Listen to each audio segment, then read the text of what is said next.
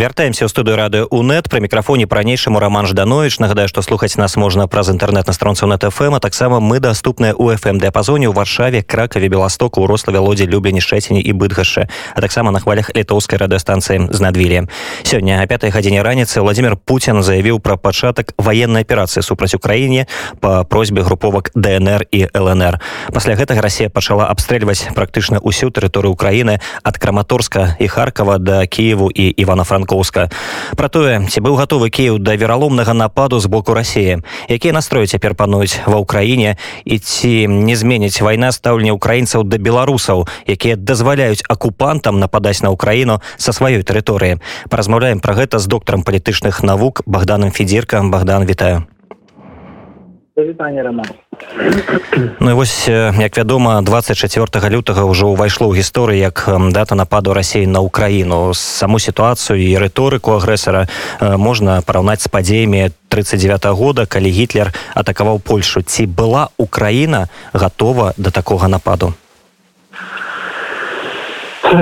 була була ми були готові ми знали ми чекали про те що нас говорили що війна не буде, що все спокійно. Ми чекали, очікували, готувалися.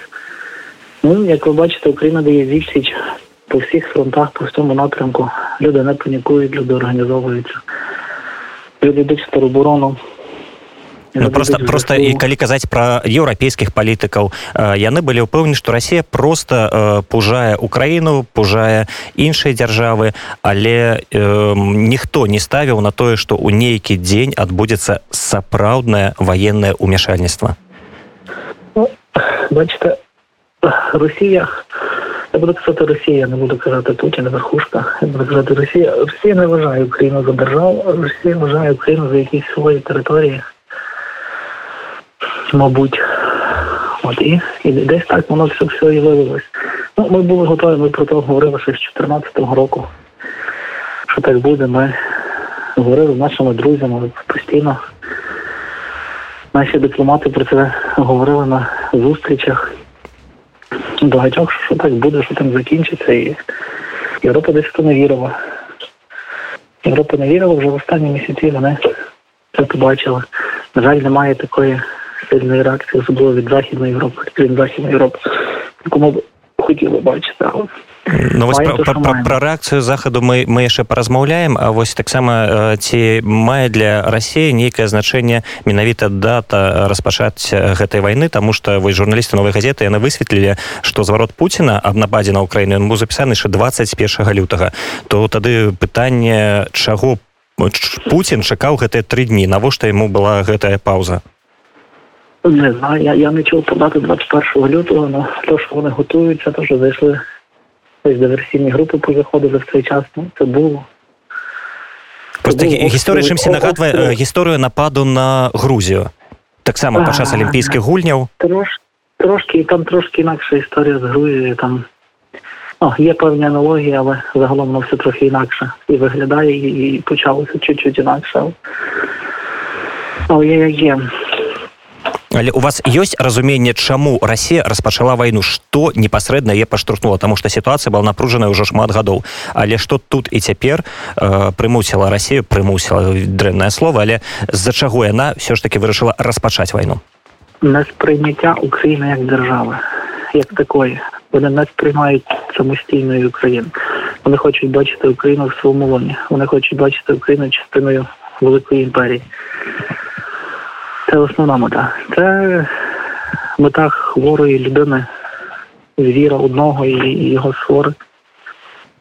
От, і, і це основна мета. Це хворобливе сприйняття історії. Але ж гэта адбываецца гэта не тут і цяпер Расія ніколі фактычна не прызнавала Украіну, але пікавай сітуацыя стала толькі 24 лютага 2022 года.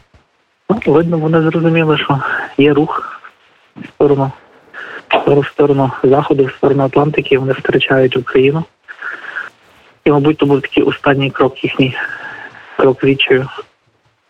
То бок калі, калі, калі б тое ж самае зрабіла б не ведаю патэнцыйна Малдова сітуацыя была адпаведнай ці не ці ўсё ж таки Украіна больш важная з кропкі гледжання стратэгічнай а тут не можна говорити в розрізі, тут треба говорити сукупно, бо тому що і Україна, і Молдова, і Білорусь, і ті, ті ж події в Казахстані, це все, це одні, одні, одні ламки одного звіна. Одно, одної звіння одного одної цепочки. Вибачаю, що я так говорю, я просто людьми не спав. От, і це треба в сукупності розглядати. І тут треба розуміти, що на Україні це не закінчиться. Це був останній останній крок е, в плані в плані в плані захоплення України. Він розумів, вони розуміли, що вони втрачають Україну. За Україною буде Молдова, за Україною цілком можливо буде і Прибалтика. Але прыбалтыка все ж таки яна ўваходзіць у нато ці не пабаіцца Росія цягацца сіламі з адной з мацнейшых актараў сусветнага А ми не можемо знати, а ми, а ми не можемо знати, що в нього в голові. То бок Росія гэта такая алагічная структура, якая дзейнічае і І я так разумею, што асноўная праблема еўрапейскіх і заходніх палітыкаў у тым, што яны э, пачынаюць разважаць э, нейкай логікай, а Расія дзейнічае зусім іначай. Вони вони не хочуть цього сприйняти, вони не хочуть цього бачити.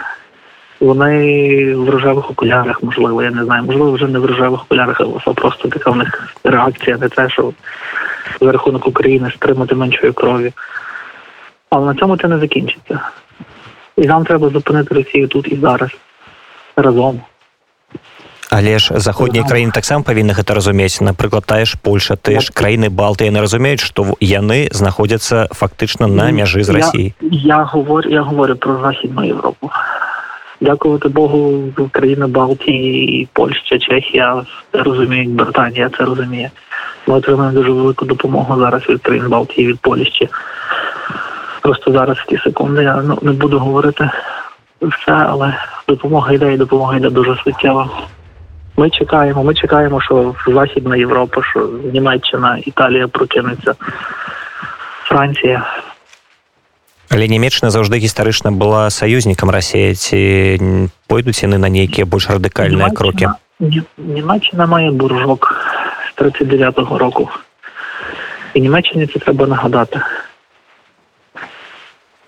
А калі казаць ввогуле калі казаць не пра палітыку а пра людзей вось якія цяпер настроі пануюць сярод жыхароў Украіны? Гэта нейкая паніка гэта можа быць страх ці наадварот злоба і жаданне помсты Ну якщо говорити про страх, говорити, що страху немає, це неправда, страх є, але він контрольований. Паніки нема, пані... ну, вони очікували на паніку, що паніка почнеться, паніки немає. Люди спокійно роблять те, що мають робити. Люди працюють, люди самоорганізовуються, люди відбувають атаки. На рахунок ставлення до як ставлення до росіян. Роман? Да, да, да. Як про ставлення до росіян. Е, ну, я би я б хотів зараз, можливо, мене чують росіяни, я перейду на, на два слова буквально на російську мову, так щоб зрозуміли. Если у вас у россиян осталось хотя бы капля самоуважения, капля достоинства, выходите на улицы своих городов, своих сел, поселков, блокируйте трассы, блокируйте дороги, выходите, протестуйте. Вы еще можете это остановить. В противном случае вы точно такие же оккупанты, как те, которые сейчас зашли к нам. Я надеюсь, что вы это поймете и услышите. Ну і вось наконт наконт людзей у рассіі таксама яскрава паказчык таго што абсалютна па ўсёй рассіі у большасці гарадоў на антываенныя акцыі выйшлі тысячы і тысячы людзей і на дадзены момант вядома што як мінімум толькі больш за тысячу чалавек затрымалі.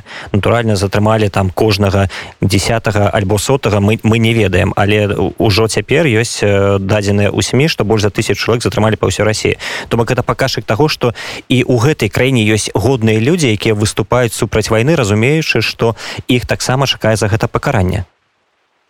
Є я знаю що є але в Москві живе 12 мільйонів людей. А на акціях скільки було? 5-10 тисяч 15 тисяч. Я собі просто можу ну, змоделювати ситуацію, що ну, це важко змоделювати, але якби, не дай Боже, з моєї сторони, з моєї країни було щось подібне. Я я знаю, що я доробив, я знаю, скільки людей би тут це зупиняв. Можливо, не треба проводити паралелі, так надіятись на, на той сам крок, але все в їхніх руках. Ну просто як паказвае практыка яны нават нават той же Алексей навальны ён не мог сабраць вялікія мітынгі тому что фактычна ў Росія пазіцыя яна як э, такая форма супраціву яна знішчана вельмі падобная сітуацыя была ў беларусі да жніўня два -го года калі людзі просто баяліся лішні раз выйсці пакуль не бачылі не ўбачылі што іх большасць Мачыма ў Росіі такая ж сітуацыя Беларусі было трошки інакша ситуація. Беларусі все таки трошки більше з вами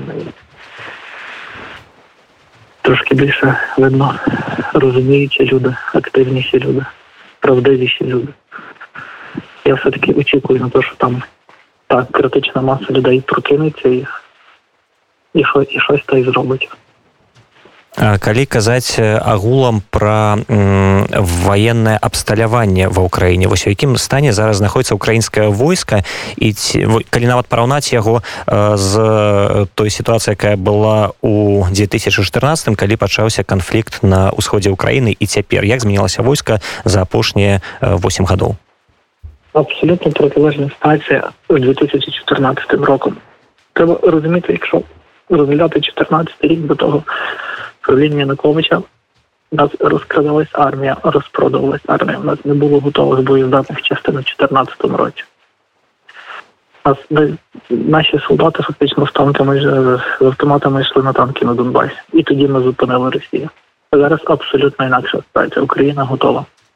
Україна як не як забезпечена, бо отримали деяку допомогу і від штатів, і від Англії від країн Балтії, Польщі, за що не велика подяка.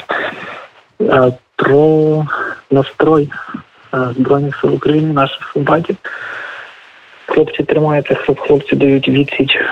Наскільки я знаю, ворог не чекав таких втрат і не чекав такого опору. Люди люди виходять, люди підтримують Збройні сили. Йдуть важкі бої по всьому периметру кордону.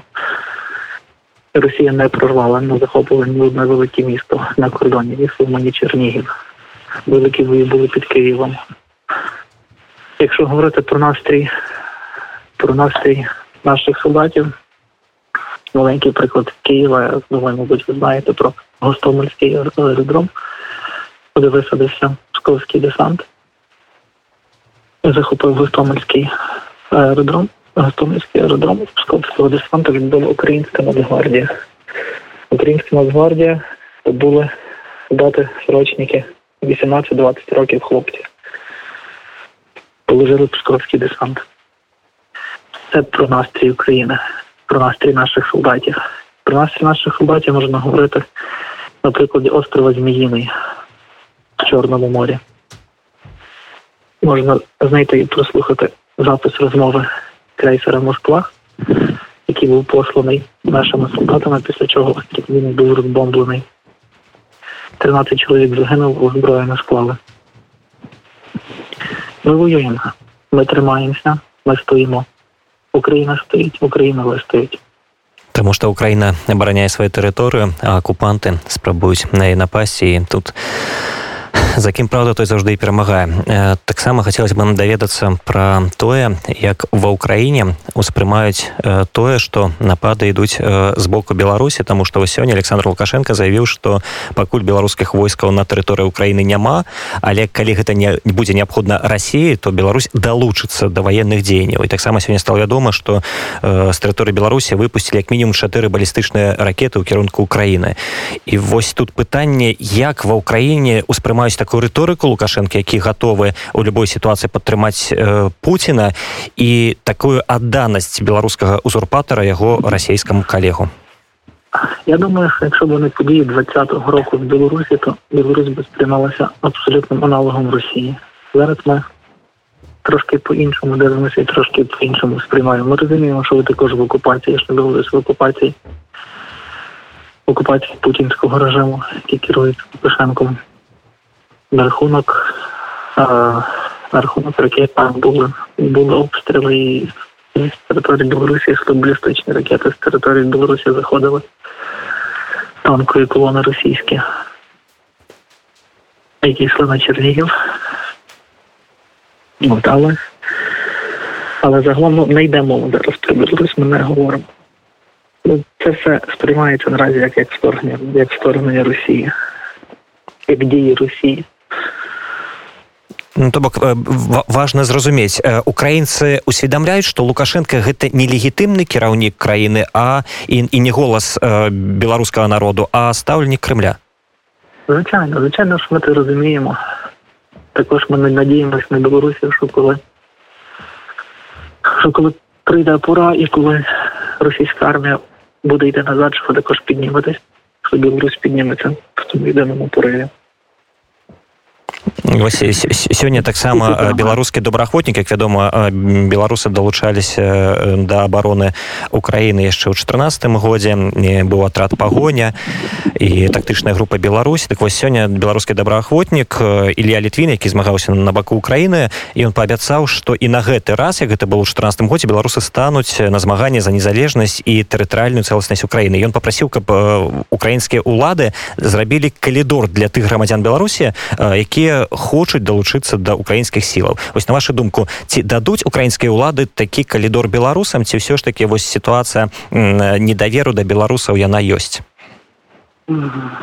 Важке питання. Важке питання, я не знаю. Я, не- я не знаю, Романе, як відповісти зараз на це питання. Я знаю, що хлопці білоруси були, я в 14 році зустрічав хлопців білорусів на своєму фронті на Донбасі. Я на Майдані зустрічався з білорусами, правильними і правдивими білорусами. Я знаю, що ті білоруси, які є тут, які брали участь в 14, 15, 16 році, на стороні України війни, що війні, що вони стануть разом з нами. Але я також розумію, що по ту сторону також будуть Білорусі. Це дуже важка війна. Це важка війна. Важка війна, я би десь тут навіть не ділив на, на нації. Тобто є одна сторона правдива сторона, як би вона добра, і чорна сторона. Я надію, що більшість білорусів вибере правильну позицію. Якщо ви не можете зараз в цей час щось зробити, якщо ви не можете піднятися, я знаю, що зараз відбувається в Білорусі. Прийде момент, коли вам треба буде стати. І дуже надіюся, що ви, що ви цей момент використаєте. мы таксама на гэта вельмі спадзяемся тому что беларуская нацыя яна яна нараджаецца на наших вачах яна нараджалася ў двадцатым годзе у жніўня тому что у той момант наш народ паволі станіўся нацыяй да М, Магчыма мы трохі не датрывалі да перамогі але мы ўбачылі што мы зусім іншыя мы не такія і пра якіх нам распавядалі у тэлебачанні мы аказаліся сапраўднымі і калі вяртацца все ж таки да сітуацыі ва ўкраіне то сёння таксама владимир зеленскі э, заклікаў сусветных лідараў стварыць так званую анты пуцінскую коаліцыю весці санкцыі і таксама арганізаваць абарончую і фінансавую падтрымку Украіны Вось э, наколькі ва ўкраіне спадзяюцца на рэальную падтрымку захаду не на гэтую стандартную э, выказ заклапошанасці а на рэальную дапамогу дуже болюче питання для нас, але люди, дуже багато людей, і в основному люди розчаровані заходом. Так, ми дякуємо заходу за ту допомогу, яку, яку вони надали, як вони нам допомагають, в яких об'ємах вони нам допомагають. Але тут мова йде не тільки про Україну, тут йде мова про весь цивілізований світ.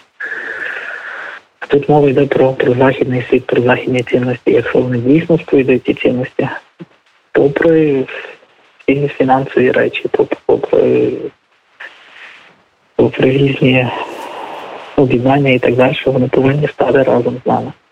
Санкції не допоможуть. Санкції треба було вводити до того.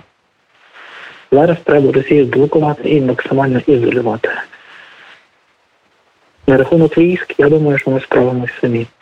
На рахунок зброї, я надіюся на, на дуже сильну ми надіємося на сильну підтримку Заходу.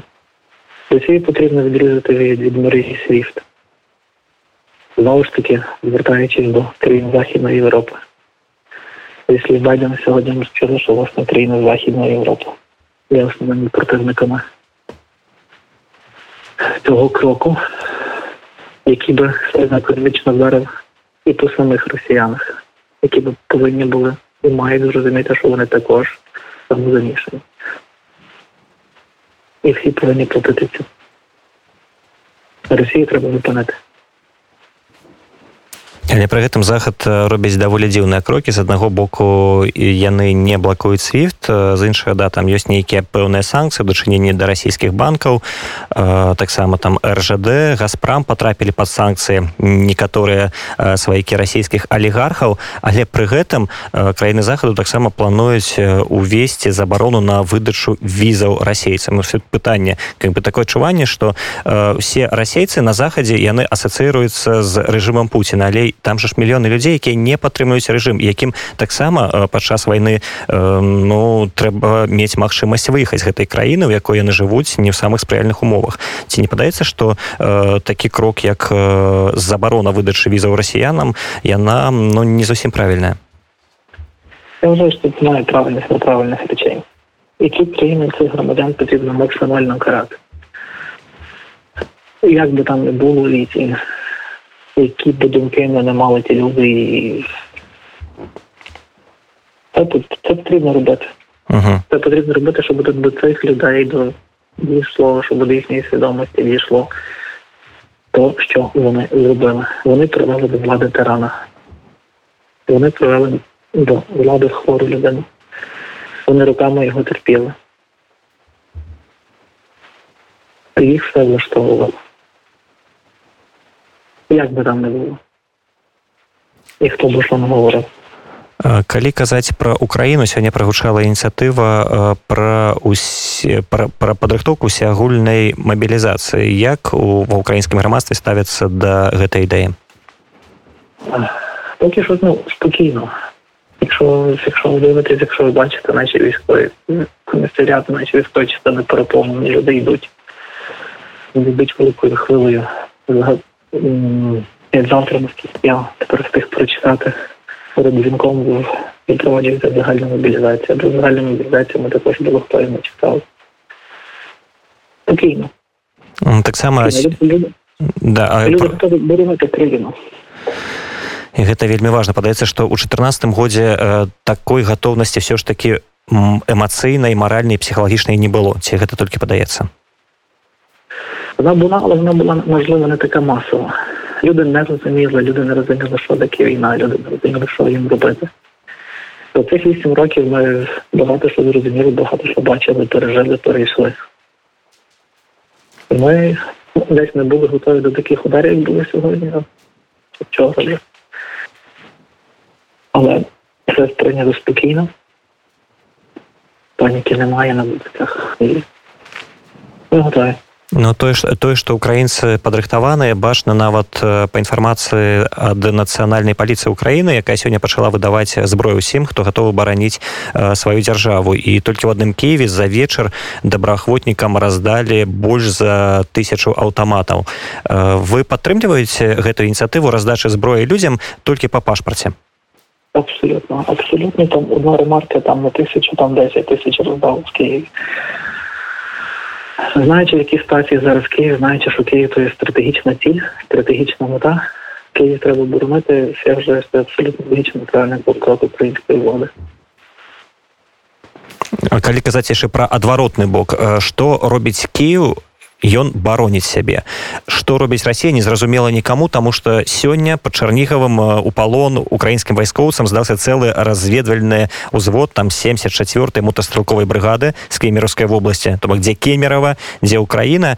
І э, про гэта сёння у соцсетках напісаў галоўнакамандуючы узброеным сіламі Украіны валерый залужны. І ён апублікаваў таксама фотаздымак старшыны гэтага гэтай брыгады Константина буйнішава і вось па словах гэта расійскага вайскоўца яны былі навучэннях у смаленскай Луганскай вобласці даведаліся пра наступ на Украіну думалі што цяпер атакаваць яны нікога не будуць а просто вернуцца дадому вось нашу думку гэта пра што гэта кажа расейцы ввогуле самі усведамляюць до конца куды і навошта яны ідуць ну, як вони могли не знати куди вони йдуть якщо їх взяли за 40 кілометрів від кордону коли вони переходили кордон вони не бачили що вони переходять кордон вони не бачили українських сіл. І вони бачили, вони чудово розуміли. Це вони знали, куди вони йдуть. калі казаць калі казаць добра я, я разумею просто яшчэ хацелася б даведацца вельмі наколькі важным з'яўляецца такі стратэгічны аб'ект як чарнобыльская аэс тому что цяпер Еўропе вельмі баяцца что паколькі ну з'явілася інфармацыя ад прэм'ер-міністра Украіны про тое что расійскія вайскоўцы ўзялі под контроль ЧАЭС але навошта яна расейцам так це правдива інформація дійсно час захоплена Не знаємо для чого, не знаємо для чого вони туди зайшли. Знаємо, що там є велике сховище відпрацьованих ядерних відходів, ядерного палива. І не дай Боже, щось хмара може розпорушитися велика. І це буде не Чорнобиль. 86-го року не тільки Україна дуже постраждає.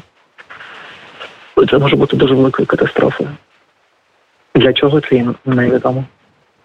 Ну, знову ж таки, немає логічних пояснень.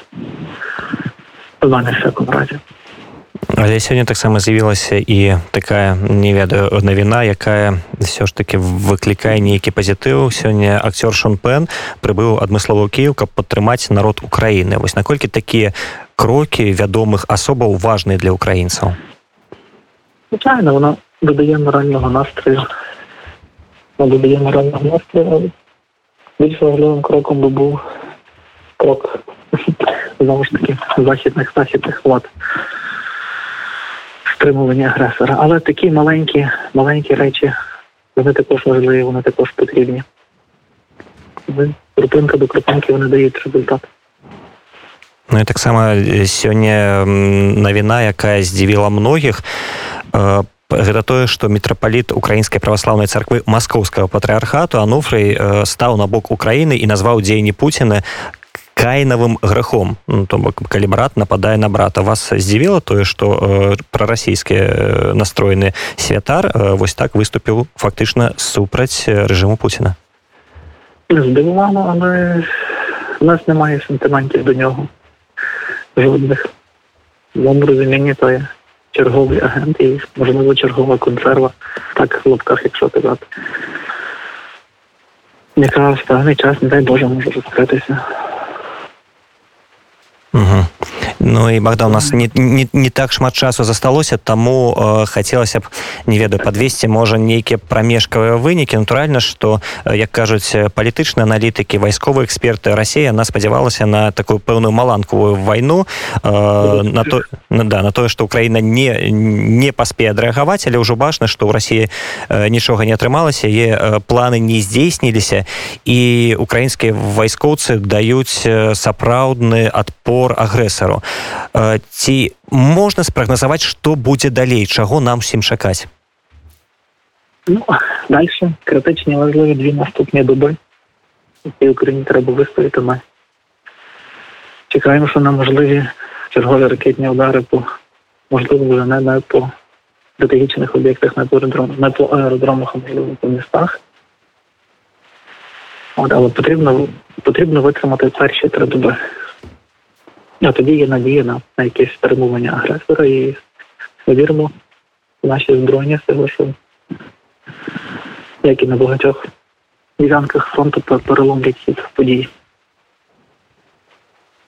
Богдан, а што асобы якія зараз знаходзяцца па-за ўкраінай неабыякавыя асобы украінцы беларусы палякі могуць зрабіць каб падтрымаць тых хто воюе ва ўкраіне за незалежнасць э, за свой народ за суверэнітэт консолідуватись консолідуватись дуже сильну роль відіграють ті ж такі пікети масові пікети в країні в кожній країні де вони є потрібно виходити під парламенти під посольство Росії під різні адміністративні споруди в своїх країнах столицях і коли буде критична точка людей, влада так чи інакше буде змушена реагувати.